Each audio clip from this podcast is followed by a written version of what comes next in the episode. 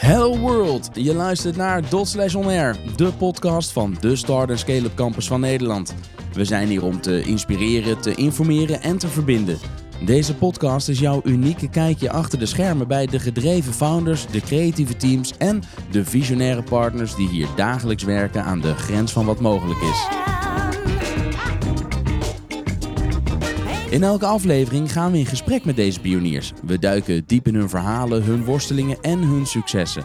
We leren van hun inzichten en ervaringen en vieren de innovatieve en ondernemende geest die ons allemaal verenigt hier bij Dot Slash. Dus of je nu een beginnende ondernemer bent, droomt van het starten van je eigen bedrijf of gewoon geïntrigeerd bent door de wervelende wereld van de startups en scale-ups, je bent op de juiste plek. Dit is Dot Slash On Air. Ja, van harte welkom bij een nieuwe aflevering van Dot Slash On Air. And we're going to do it in English this time because one of our main guests today is, um, uh, well, English speaker, Nicolo Comparini. Correct, correct. Wow. Good pronunciation. And Thank you apologies so for much. my uh, Thank you so lack much. of Dutch skills. No worries. We're happy to do it in English this time. Nicolo, you're from Cyntric AI. Please start to introduce yourself and your company, please. Sure. So I'm the uh, co-founder and CEO of Cyntric AI. What we do is we uh, we generate fake faces basically, which is pretty weird.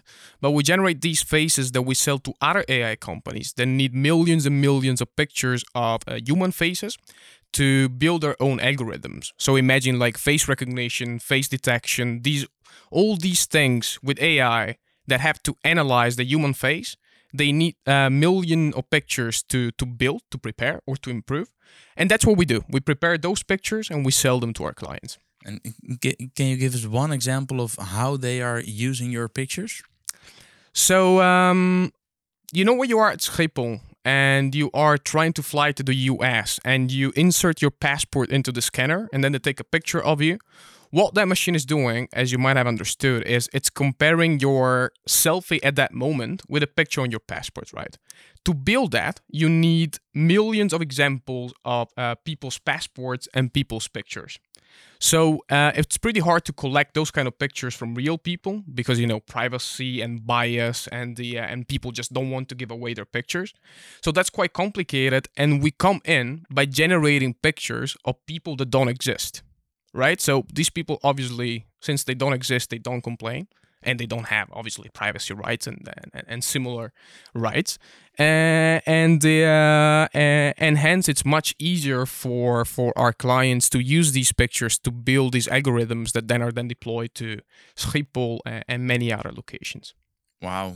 And, and, and now AI is very hot, and a lot of people are suddenly diving into it and ex exploring all the possibilities. But you have been doing this for how long now?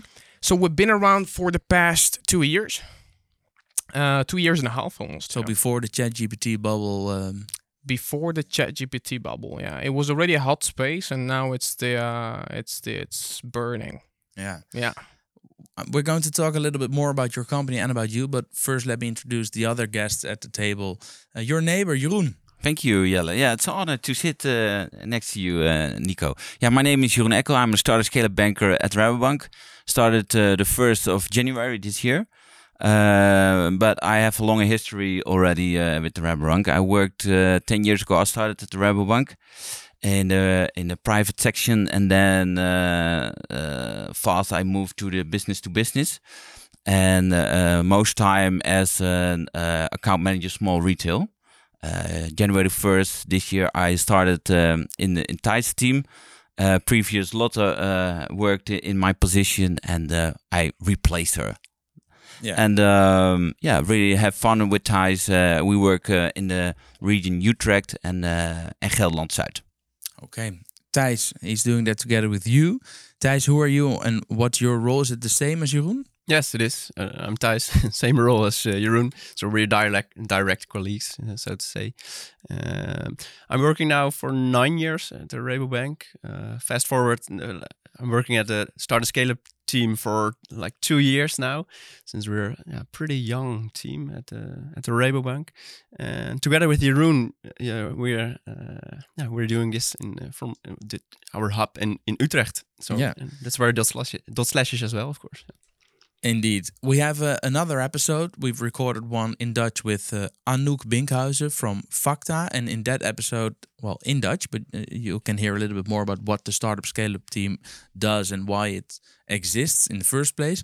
But for the English listeners, can you uh, give us a summary of what the Startup Scale Up team is doing? Yeah, yeah, sure. Um, we're a team. Or actually, we're a, national team uh, with I think we're with uh, 15 or 16 colleagues in in, all, in all over the Netherlands, uh, Amsterdam, uh, Delft, Eindhoven, and of course we are uh, uh, we are here in Utrecht. Um, and we're doing we're trying to to get the services of the bank closer to this important uh, companies, these start and scale ups, so to say. These are the companies that bring us innovation. This, uh, which uh, brings us uh, to the transitions we need uh, in our society. For example, uh, in, in the healthcare, of course, we need we need transitions, energy transition, food and agri. Of course, as a food and agri bank, we we we're really supportive on innovation and, and transitions in the food and agri teams. Um, so as a bank, if we want to be supportive on these uh, on these transition, these teams, you need to be supportive on startup scale-ups, so to say. So that's why the uh, Rabobank uh, has this idea. I think it's three years ago now to start a scale-up, start a scale, start, start, start a scale-up team. So, and we've been growing by ourselves. Uh, so it started with, I think, four or five colleagues, and now we're with 15 or 16. And we've uh, almost in the scale up phase now. Yeah, yeah, yeah exactly. I'm the last one. exactly. Okay. So, so well, maybe it's good to uh, make clear what we're doing. Uh, we provide loans and we share knowledge and network. So exactly. That, that's what what we are uh, what we're doing all day. Yeah. And uh, I'm happy that you you say this because um, this is something you, as a Rabobank startup banker, says. But how is that for you? Is it in your experience that that is what they do as a startup scale up team? Do they provide their knowledge, their the, the loans, the network? Absolutely, I can definitely vouch for that. So uh, maybe let me let me start is, is applauding here. Good answer. You can stay. yeah, let, let me start from the beginning. What I was, uh, what I really liked was the, um, let's say, the uh, selection process. Right. The um, at Cyntric we are familiar with the um, with fundraising from VCs, right? And we were getting into this with our VC expectations. So this is gonna take long. It's gonna be it's gonna be a process made up of so many steps that we're gonna lose count probably. And I must say it was quite efficient. So I, I got first in contact with Lotte, uh, we had a pretty uh, a pretty um, uh, good alignment in terms of what we do, what Cyntric is about in the first interview. Then we prepared the necessary documentation, shipped the documentation. In about two weeks, we heard back from Rabobank, and the, I think two weeks after we had our how do you guys call it a uh, investment committee? I think yeah, yeah. You, you, did your pitch. Yeah, we did yeah. our pitch the very same day, I got the call back from the head of the committee, and yeah. they, they told me that the uh, our Rabobank Innovatielening, beautiful Dutch pronunciation, yeah, I hope, perfect. was approved, and the, uh, and that's it. So I think the entire process took as a whole less than a couple of months, and uh, very quick feedback, and that I think was a uh, we were off to a pretty good start. The loan was indeed submitted, so uh, it, it, wasn't a lie. We actually got the loan, and the, um, in terms of knowledge, the way that I think about it is the following: right, every time that you take on an investor, you also take on reporting responsibility. And a lot of entrepreneurs look at those responsibilities as a uh, an additional hustle that you're taking on, uh, which obviously, you know, it takes time, but there's another aspect to it. It's the every time that I have to report to one of my investors, I'm forced to zoom out. That is pretty hard to do when you're, you know, you're in the midst of everything that's happening in your business, so many things happening, and you're talking to product, or you're talking to a client, and it's pretty easy to to miss the big picture in that situation, right? So every time that I report to an investor, I, I enjoy that moment that lets me zoom out and a little bit where where do we stand today? What's the situation like? And the funny thing about let's say the difference between Rabobank and as an investor and another typical VC investor is that it forces you to think about some of the same things, but also different things. For example, how am I doing from a cash flow perspective, right? I have a loan to repay in in, uh, in a certain time. How am I doing from a cash flow perspective? That's usually not a metric that, uh, at least if you're early stage, that's paramount where you're talking to a VC because it's more about okay, am I growing? Are the unit economics all right? And uh, so there are aspects that when you get a loan from Rabobank as compared to getting a equity round from a VC, there are different things that you're focusing on. Also important things as a sanity check for your business that it's good to have a partner to spar with. Nice. I've never thought of it that way. That that um, being forced to report uh, also forces you as an entrepreneur to zoom out, and um, uh, you really embrace that as a moment to look at your business from a different stand uh, uh point, uh, as a, from the helicopter view. Right. So take us back to the beginning. Where were you as a company and or as an entrepreneur before uh, you applied for the RIL, the Rabo Innovation Loan? So I think we just at that moment we just raised our second seed round, and from a let's say from a um, if I have to give you the big picture, we already had a P, a, uh, a POC. We had an MVP out there, a couple of clients that we tested it with. We already had some revenues, but nothing you know that could sustain us on a monthly basis. And we were in a situation where we knew exactly what was on the roadmap for the coming six months but the um, if we wanted to get there with the speed that we had in mind, we needed more funds. We were also in a situation where, from a valuation perspective, it was hard to attract uh, a big investor and retain a decent piece of the pie. And hence, you know, the opportunity to have a non-dilutive investment from Rabobank was actually gold. It was really good. There, there, uh, we have this sound that sounds like this and we use it when there are typical startup scale up terms uh, in your answer, which uh, the newbies in the startup scale up world might not yet know or not uh, are not familiar with. Can you uh, uh, shortly explain uh, the, the um, abbreviation POC, proof of concept? When do you have your POC? You have a POC, which is maybe not the best term. I'd rather so POC proof of concept, but I think uh, in startup jargon, a better a better term could be MVP, minimum viable product. You have it when you have something that looks like your final idea of your product, but it's scrappy and it's you know it it stuck together through tape rather than actual actual good practices, but it's good enough to see if it works for your client, right? So you're able to deliver it, you're able to measure is my client getting something out of it? Um, and that from a product perspective, that's what that was the situation we were in. Yeah. You said valuation at that time was difficult? Yeah. Why? Well, you know, you again, you have an MVP, you have some revenues, but you're far from when you're so early stage, you're far from being ready to be valued as a multiple of your revenues, right?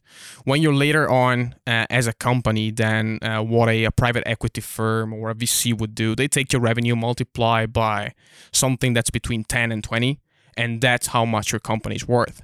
But when all you have is a vision of how the world is going to be in the future and how your company is going to fit that vision, obviously that valuation practice doesn't really work and it's also a dangerous one to apply if you're an investor because you might dilute the founder so much that then it becomes hard in the future to attract new investments to to actually grow more.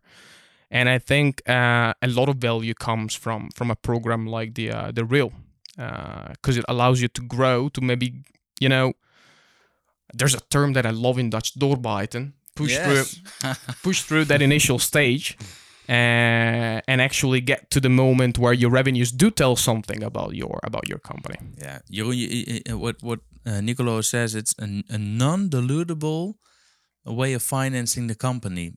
Uh, tell us a little bit more. Um, non-dilutable and uh, uh, in relation to to the the Rabo Invest. Uh, wow, the Rabo Innovation Loan. Yeah, it is uh, the the Rabobank Innovation Loan is indeed a loan you uh, already received. Eh? You have to uh, repay it within seven years, and the first two years are with no repayments, only interest. So it ge- it gives the uh, the entrepreneur time to uh, to get cash flow and to make sure that you can uh, to to make sure that you can pay your repayments when it starts uh, two years. Uh, and non-dilutive, you you just said it. It is uh, an um, uh, we call uh, like you can put equity in your uh, company uh, by uh, including investors or uh, non-dilutive. It's uh, for example the the Rabobank Innovation Loan. We call it an uh, subordinated loan. Oftewel, uh, achtergestelde lening. and uh, yeah, it's a very uh, good product which fits in the, the phase you you are.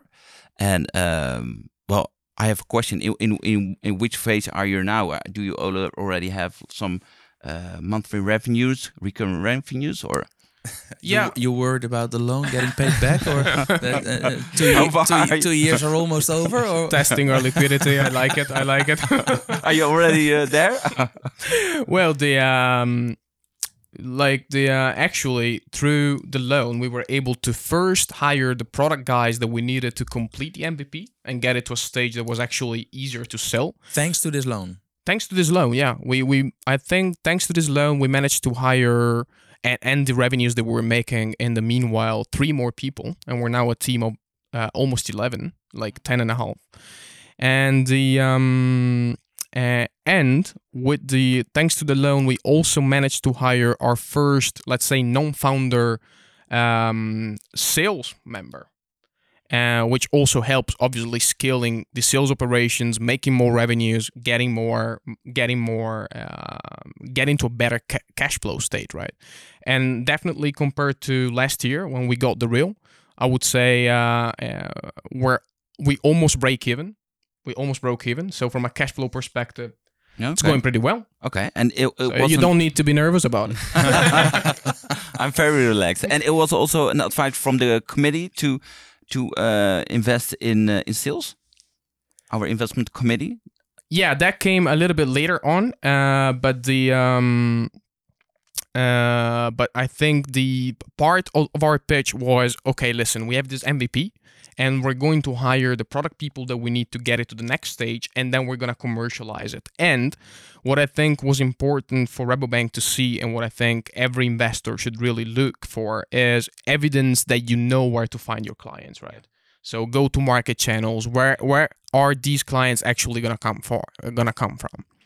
Um, and that's the uh, yeah, that's how we how we rolled.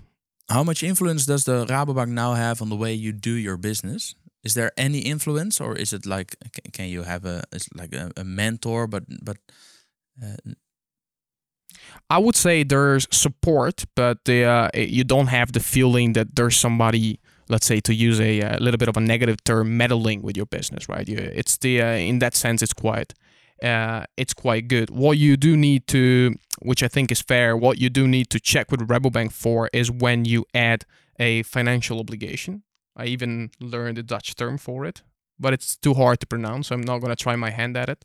Um, Too bad. So, financiële verplichting. Ah, very good, very good. Easy peasy.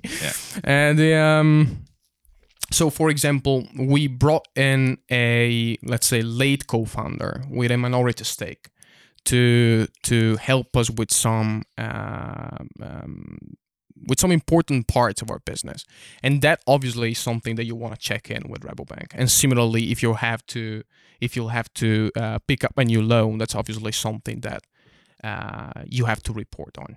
And, and uh, have you been through that process already? Yeah, for that for that late co-founder. Yeah, we did, we did, we did. Was that a problem? Or No, it was super smooth. I think I sent out an email to Lotte back in the day, and I think we got the reply back in like within the same week. I, I don't know if it was like two, three days, but very fast. tell us a little bit more about how this uh, complete process uh, of applying for the RIL is going. Uh, y- I heard you something about um, you needed to pitch for an investment committee. What do you need to fill in or, or deliver or how's that process? Right. So we needed a um, a business plan, which for most entrepreneurs out there, it's your pitch deck with uh, a little a little bit more meat around go-to-market strategy and the and the financial projections, mostly financial projections, really. And we needed a uh, a, a full financial uh, model which is maybe something that a VC would require later on. But again, given the importance of cash flow in this scenario, probably becomes more significant for an institution like Rabobank. So these were the two main documents that we had to prepare. And the uh, maybe a useful tip for for entrepreneurs that want to apply is that the we we are used to prepare uh, pitch decks that are meant to be presented, right? But the first step here is, well, the second step actually is for the pitch deck to be reviewed. So make sure that it's a document that can be read without your external assistance, I'd say. This is good advice. Thijs, can you tell a little bit more about, from the bank perspective, what are you um, looking at during this uh, application process? Yes, uh, of course. We're looking into your documentation. Uh, uh, you you send it uh, to us. We're we're looking to. I mean, I, th- I think you mean what are you looking to uh, to, to what are green it? flags? Yeah, What are yeah, red flags? Yeah, How yeah, do you yeah, uh, decide Exactly. if they are going to get the loan or not? Yeah, yeah. That's the team, of course. Always the team. We were the founders. What's your background? Are there? Uh, so, yeah, th- th- that's of course an important one. Um, the market. So, of course, your product. And I think what I just heard from you that was actually a perfect example of, of, of what, what you should do in terms of market validation. With your MVP, your your uh, you're you're validating your product. You're you're you're getting your proof points. Whether you're making your value added as a product. So it's very important to have these first steps and, and you have these proof points also for us as a bank to show that that that you have there your problem solution fit already. And of course your product uh, uh, market fit will will be there in uh, later on. But it's I, really liked your uh, uh, the way you did it before before the application. So validation, market validation is really important. Of course, your financial projections is it like is it uh, it realistic? Is it uh, well? Um, to say I mean, it, it, it should be. Of course, we know that. Uh, it's a pro- it's a projection, so we know, of course, a projection will never be like that, of course. But you have to uh, did did they think about uh, what it will be in, in three years? What how will your company be in four Yeah, years? what's the Yeah. probability of it Yeah. actually happening? Did you think about your downside scenario? Yep. Was that a question, sorry? No, that was not a question, but to- just to add uh, what uh, Thijs said. And of course, last uh, last but not least, we, we, we- we're looking at is is it is, is your proposition does it have a, an- a s- a fit with the strategic teams of the Rabobank? So uh, I think it's sustainability, digitalization, or vitality like that. Yeah, Nicolo told us uh, in the beginning that he was in the uh, just uh, had the second seed round, right? So you already had your proof of concept, you had your MVP. Um, was he on the edge for being um, uh, the ideal client for the RIL? Because the Rabo Innovation Loan is especially for the early early stage to enable Yes. companies to get to the MVP, right?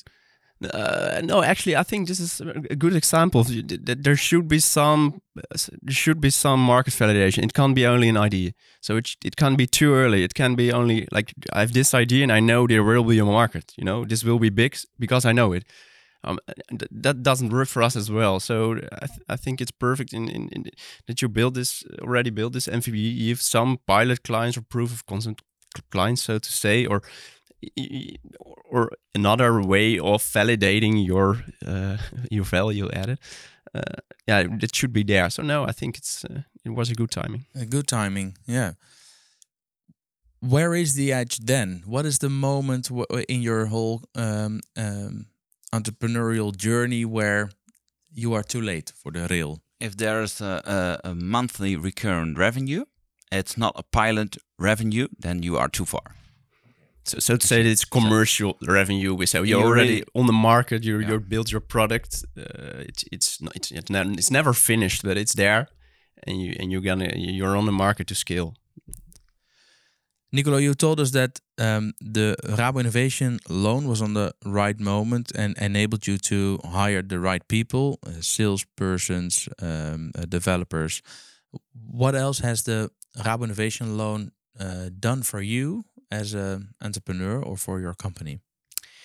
I think one of the things that I can mention is that if you have evidence that a uh, established and well reputable organization like Rabobank believed in you, that becomes extra validation, extra evidence that you can provide to investors, whether angels or VCs. Yeah, does it help?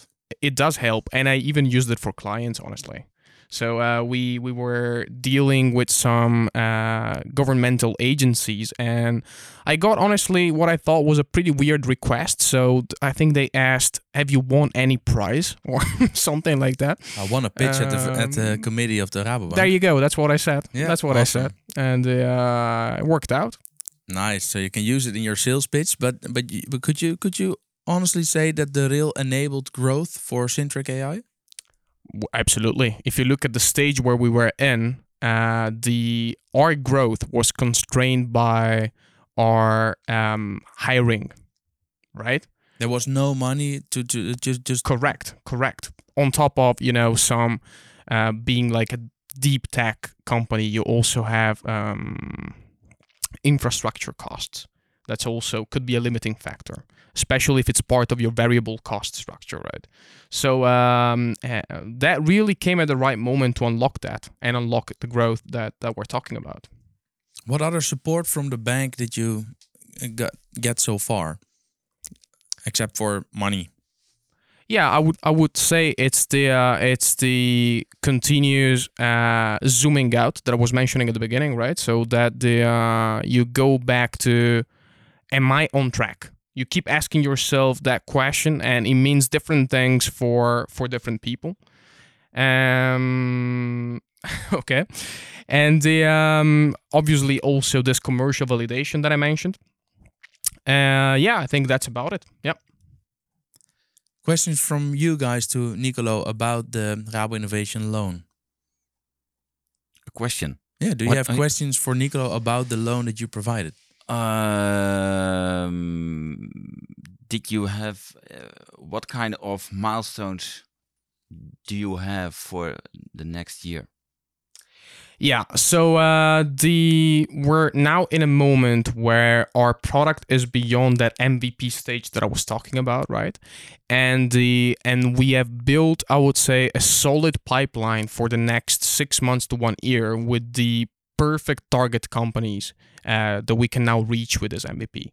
So now the uh, basically there are two main objectives, right? First of all, close these clients so that the pipeline becomes cash flow.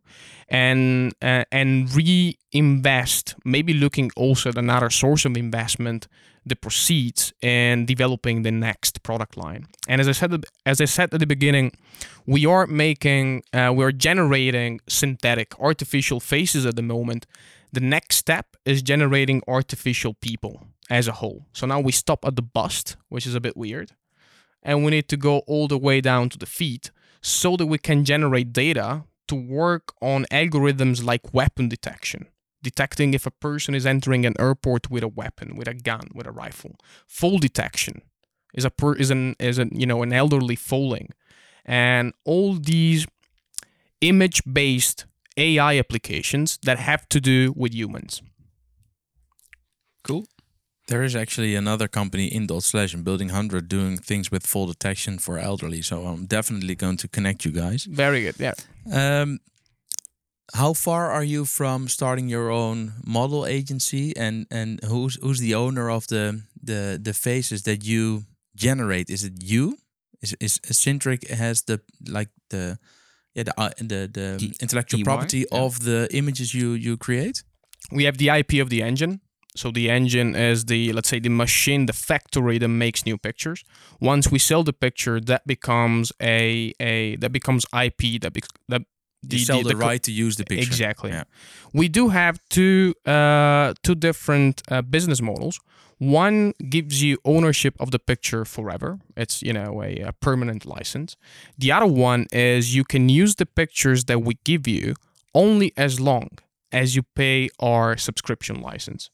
The moment the license terminates, you cannot use the pictures anymore. So that's slightly different. And for how many years uh, uh, contracts do you have? Uh, uh, when you uh, attract a customer, uh, how many years uh, do you lock them? Uh, the subscription is for one year, but we are indeed looking at uh, whether we can extend that, especially because some companies have regulatory constraints, like the automotive one. If they use pictures to build AI, those pictures need to be in their archives for at least five years, Mm. According to regulation. So there's Okay. the potential to lock them Yeah. in for a longer period of Yeah. Okay. How's the um, um, the balance between the two options? Is it like uh, what do you sell more, the lifetime license or the the uh, the subscription model? what you see is that company so what we're building right this idea of building ai with the uh, with synthetic artificial images is still something that takes a lot of attention even from research even from the academic world. So the first question that i get from clients is wow this is cool but does it really work? Hence if that's the first question they usually move on first with the uh, with the pay as you go which is i get ownership of the data forever why? Because they they start from a smaller amount of pictures.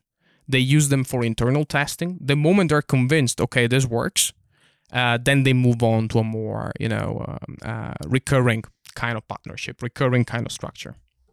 Okay. My final question to you is: you- What's your number one advice to startup entrepreneurs who are listening now uh, regarding the Rabo Innovation Loan? Mm. Start soon, because there's there's an edge, as you put it.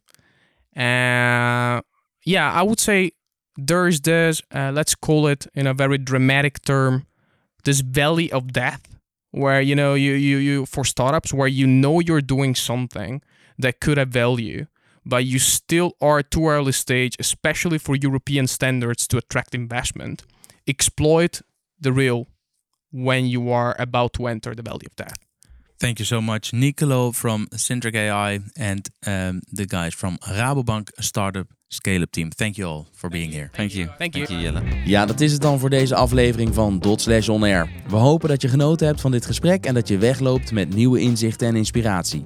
Deze podcast werd mede mogelijk gemaakt door Dot Slash Utrecht met mijzelf, Jelle Drijver, achter het roer van de productie. De muzikale magie die je hebt gehoord komt van Kitchen Collective. Check het hele album via de link in de show notes. Wil je geen enkele aflevering missen? Abonneer je dan vooral even op Dot Slash On Air via Spotify, Apple Podcasts of je favoriete andere player. Een review op Apple Podcasts of een aanbeveling op de socials wordt enorm gewaardeerd. Daarmee help je ons om nog meer mensen te bereiken.